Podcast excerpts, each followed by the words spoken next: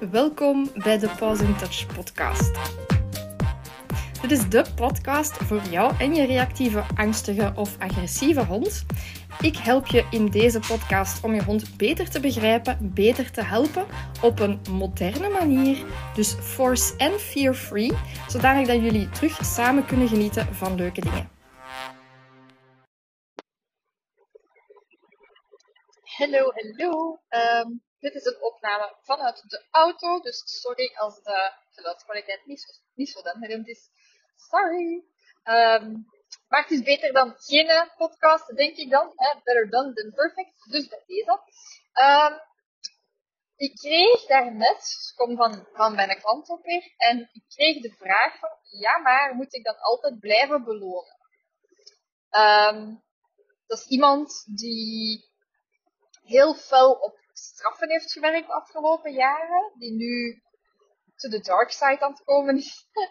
dus die effectief de overstap maakt richting het belonings, uh, beloningsgerichte, die richting de moderne opvoeding wil.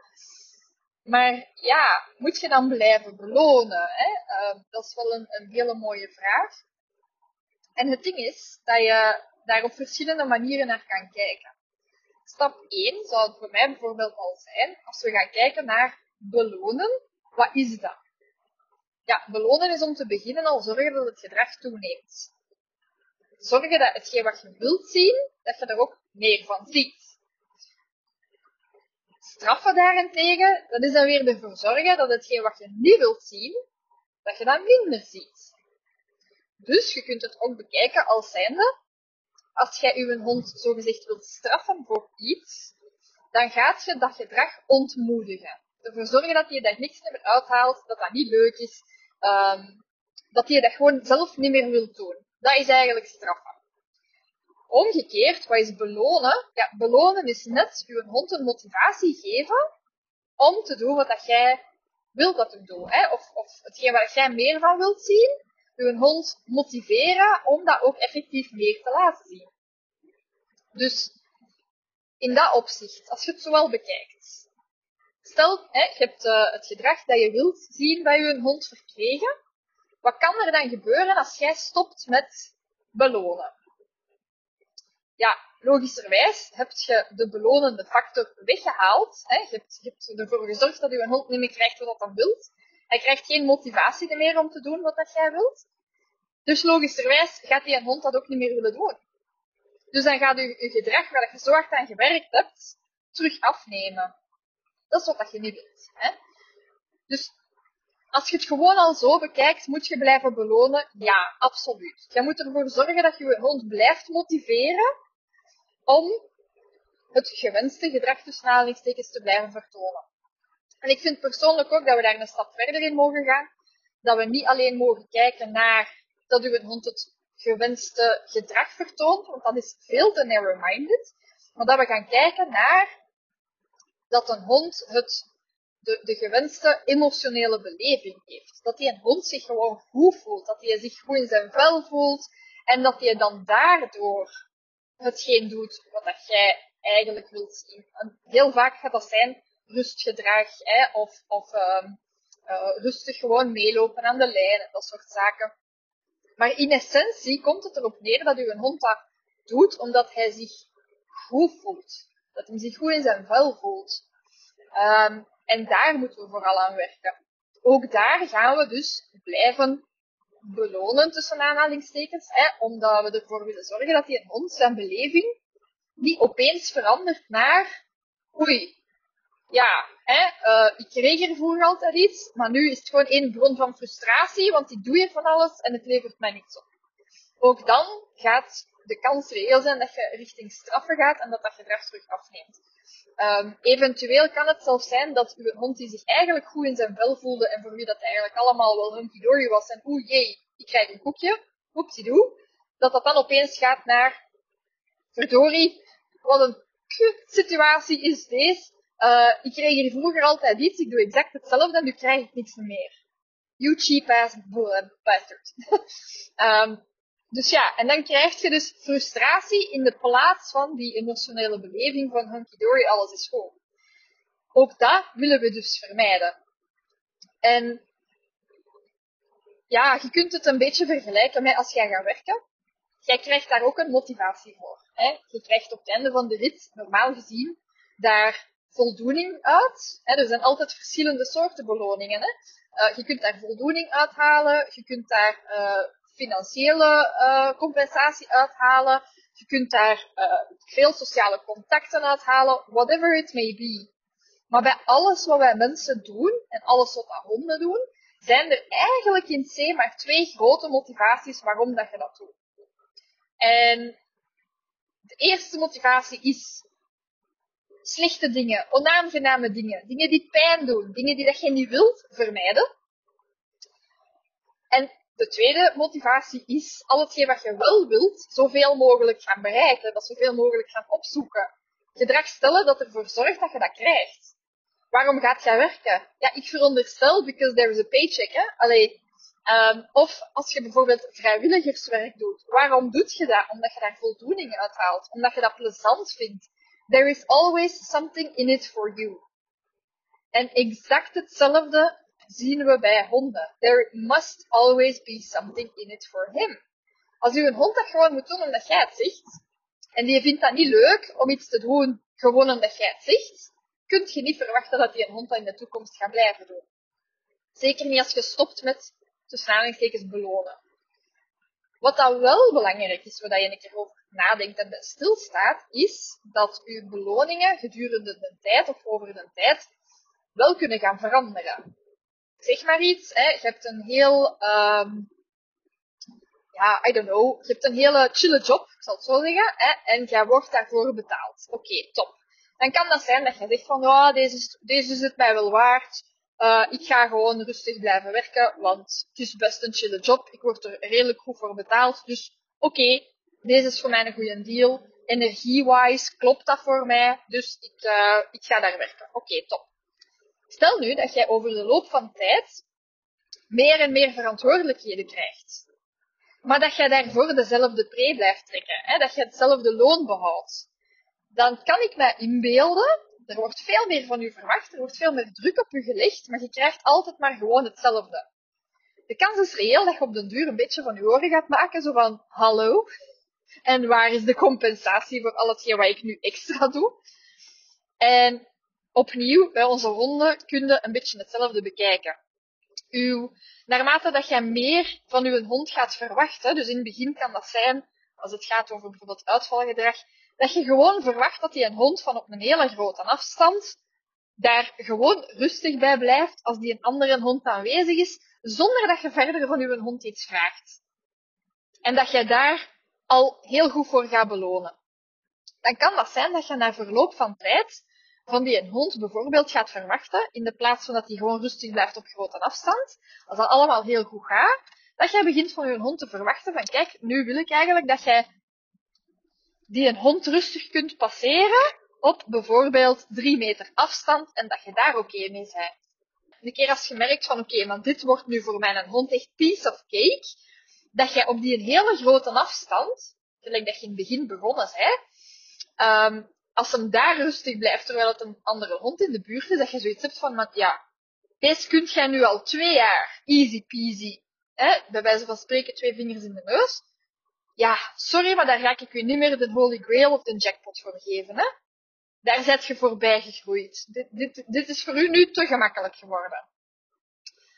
En ah, wel, dan kan dat zijn dat jij daar qua beloning gaat variëren. Dat jij daar qua beloning iets anders in de plaats gaat zetten. Je kunt niet zeggen, ik geef u niks meer. Dat kan niet pakken. Maar wat dat je wel kunt doen, is bijvoorbeeld meer gaan belonen met uh, ah, nu mocht je daar even gaan snuffelen, of uw beloning nu is een snuffelspelletje doen, of uw beloning nu is, uh, weet ik veel, iets anders wat dat uw hond graag doet, of heeft. Maar het is wel van belang dat altijd alles wat dat je doet, of wat dat je verwacht, in proportie staat. Als jij van je hond iets heel moeilijk gaat verwachten, dan gaat je die ook heel goed betalen daarvoor. Als jij van je hond meer, hè, bij wijze van spreken, gelijk die job, als je daar meer verantwoordelijkheid, meer druk gaat opleggen, logischerwijs gaat uw beloning in verhouding moeten zijn. En als jij van uw hond, ik zeg maar iets, hè, een, een zit vraagt en die, die kent dat al jaren en hij kan dat uh, in, in de meest, eh, een hele variatie aan omstandigheden en dat gaat perfect. En dat jij dan bijvoorbeeld, eh, um, weet ik veel, je bent aan het wandelen met je hond, je komt niks tegen, alles is hunky-dory en alles is helemaal oké. Je hond is eigenlijk helemaal ontspannen. Als je hem dan eens iets vraagt, dat je dan niet met de hotdogs en de worstjes en de weet ik veel wat gaat afkomen, ja. Maar, als uw hond moeite heeft bijvoorbeeld met andere honden en je vraagt dan eens iets, dan is dat wel een heel ander verhaal. Hè? Dus dan moet je wel zien dat je één ervoor zorgt dat uw hond nog mentaal thuis is, dus dat je het hem ook niet te moeilijk maakt, dat hem niet verzuipt waar dat hem bij staat. Um, en twee, dat als hem dat dan effectief doet, dat je hem wel heel royaal gaat uitbetalen. Want je hebt hem net bij wijze van spreken een taak gegeven van vijf niveaus hoger, hè, een taak van een CEO, um, heb je hem net gegeven, maar je gaat hem eigenlijk maar betalen voor, uh, weet ik veel, minimumloon bijvoorbeeld. Ja, dat gaat hem niet worden, hè. Dus in dat opzicht moet je blijven belonen, ja, maar je mag dat echt wel gaan kijken in verhouding naarmate dat een tijd vordert. Hè. Um, het kan zijn dat als je hond helemaal oké is met andere honden op termijn, hè, op hele grote afstand, dat je in de plaats van te zeggen, hier is een koekje, hier zijn uh, worstjes, hier is uh, hotdog, uh, weet ik veel wat dat allemaal kan willen, dat je in de plaats daarvan zegt van, oké, ga nu maar even snuffelen. En dat dat voor een hond een beloning wordt. Dat kan. Maar dat zijn allemaal dingen waar je dus, ja, afhankelijk van de context, afhankelijk van de hond, afhankelijk van de situatie, waar dat die een hond het moeilijk mee heeft, wat dat die een hond leuk vindt, um, wat dat die hond belangrijk vindt, wat is voor die hond een motivatie om effectief um, rustig te blijven en, en om, om zich, allez, moet ik zeggen, te doen wat dat jij vraagt, hè, of wat dat jij zou willen dat zijn allemaal dingen waar je moet naar kijken. Je kunt niet zomaar zeggen, en nu ga ik bij elke hond verwachten, dat als die gaat zitten, uh, en er passeert een hond op 5 meter, dat die daarvoor content is met een snuffeltje. Ik zeg maar iets. Ja, dat kan goed zijn dat uw hond er nooit, dat dat bij uw hond nooit pakt dat een snuffeltje genoeg is. Hè? Dus ook dat moet je heel goed gaan bekijken. Als dat voor uw hond een koekje blijft, oké, maar dan is het zo. En dan gaat jij gewoon koekjes blijven geven. Zo so be it. Als dat niet mogelijk is om te gaan variëren, omdat voor u een hond de moeilijkheid zo wat blijft hangen, oké, dan gaat jij met uw beloningen daar ook aan tegemoet komen. Voilà. Simpel. We maken het ons toch zo moeilijk soms, hè? Want dat is iets wat ik me oprecht afvraag. Um, er zijn zoveel manieren om met honden om te gaan. Er zijn zoveel verschillende visies daarover en zo verder. En ja, als ik kijk naar hoe dat ik met, met, mijn hond, met Nala, omga, ik snap oprecht het probleem niet van uw hond gewoon te blijven belonen. Wat is daar in godsnaam de issue? Ik snap het niet gewoon. Um, dat is zo precies zo van, oh nee, dan moet ik levenslang mijn hond belonen als hij gaat zitten, zeg maar iets. Of als die uh, mooi aan de lijn loopt. En dan denk ik in mezelf, en why the F not? explain why not. Um, ja, I don't get it. I, I don't see it. Um, natuurlijk, ik, ja, er zijn mogelijkheden om dat aan te pakken, ik zal het zo zeggen, hè, hoe, hoe dat je dat belonen op een andere manier kunt gaan inzetten en zo verder. Maar ja, in de essentie, persoonlijk, ik ben echt ja, een cookie pusher om, het zo te noemen. Ik, ik, bij wijze van spreken, als Nala gewoon eens lief kijkt, maar dat was flink zeg, vlam. Dat is gewoon een hele flinke hond, een godgasse dag door. Bij wijze van spreken, als die 10 minuten staan blaffen heeft, dan is ze flink als ze één minuut zwijgt, bij wijze van spreken. Hè. Dus ja, ik denk dat dat ook een manier is om naar uw hond te kijken. En als jij zoiets hebt van, ja, ik wil u niet te veel koekjes geven, of ik wil u niet te veel gaan belonen, als dat vanuit een medisch standpunt is, dan kan ik daar nog enigszins inkomen, maar zelfs dan, die hond moet toch eten. Gebruik dan zijn eten om te belonen, denk ik dan. Um, of zoek iets anders zodat hem leuk vindt. Hè? Als dat voor uw hond bijvoorbeeld spel is. Oké, maar waarom zou je dan daarmee stoppen om uw hond te belonen met spel? Ja, Dat is dan zoiets dat bij mij niet echt, uh, is not compute. Maar uh, als jij daar anders over denkt, please let me know.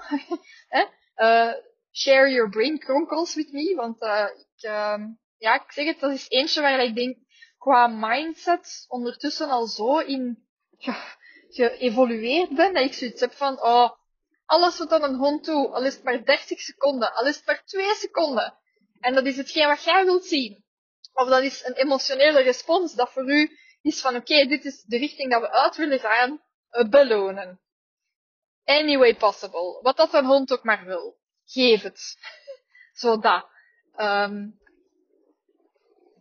en ja, als een hond dat blijft doen, die emotionele respons, hè, of, of dat gedrag dat je wilt zien en die blijft dat doen, waarom zou je dan opeens verwachten dat dat vanzelfsprekend wordt? Ik bedoel, jij wordt toch ook betaald voor je werk? Ik denk als je de dag dat je geen uh, paycheck meer krijgt, dat het gedaan zal zijn. Kan me vergissen.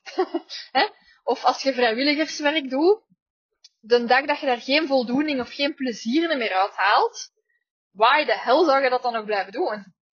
Je haalt er sowieso iets uit. Dat kan niet anders. En dat vind ik dat we bij honden veel te veel vanzelfsprekend nemen. Dat was het voor deze week.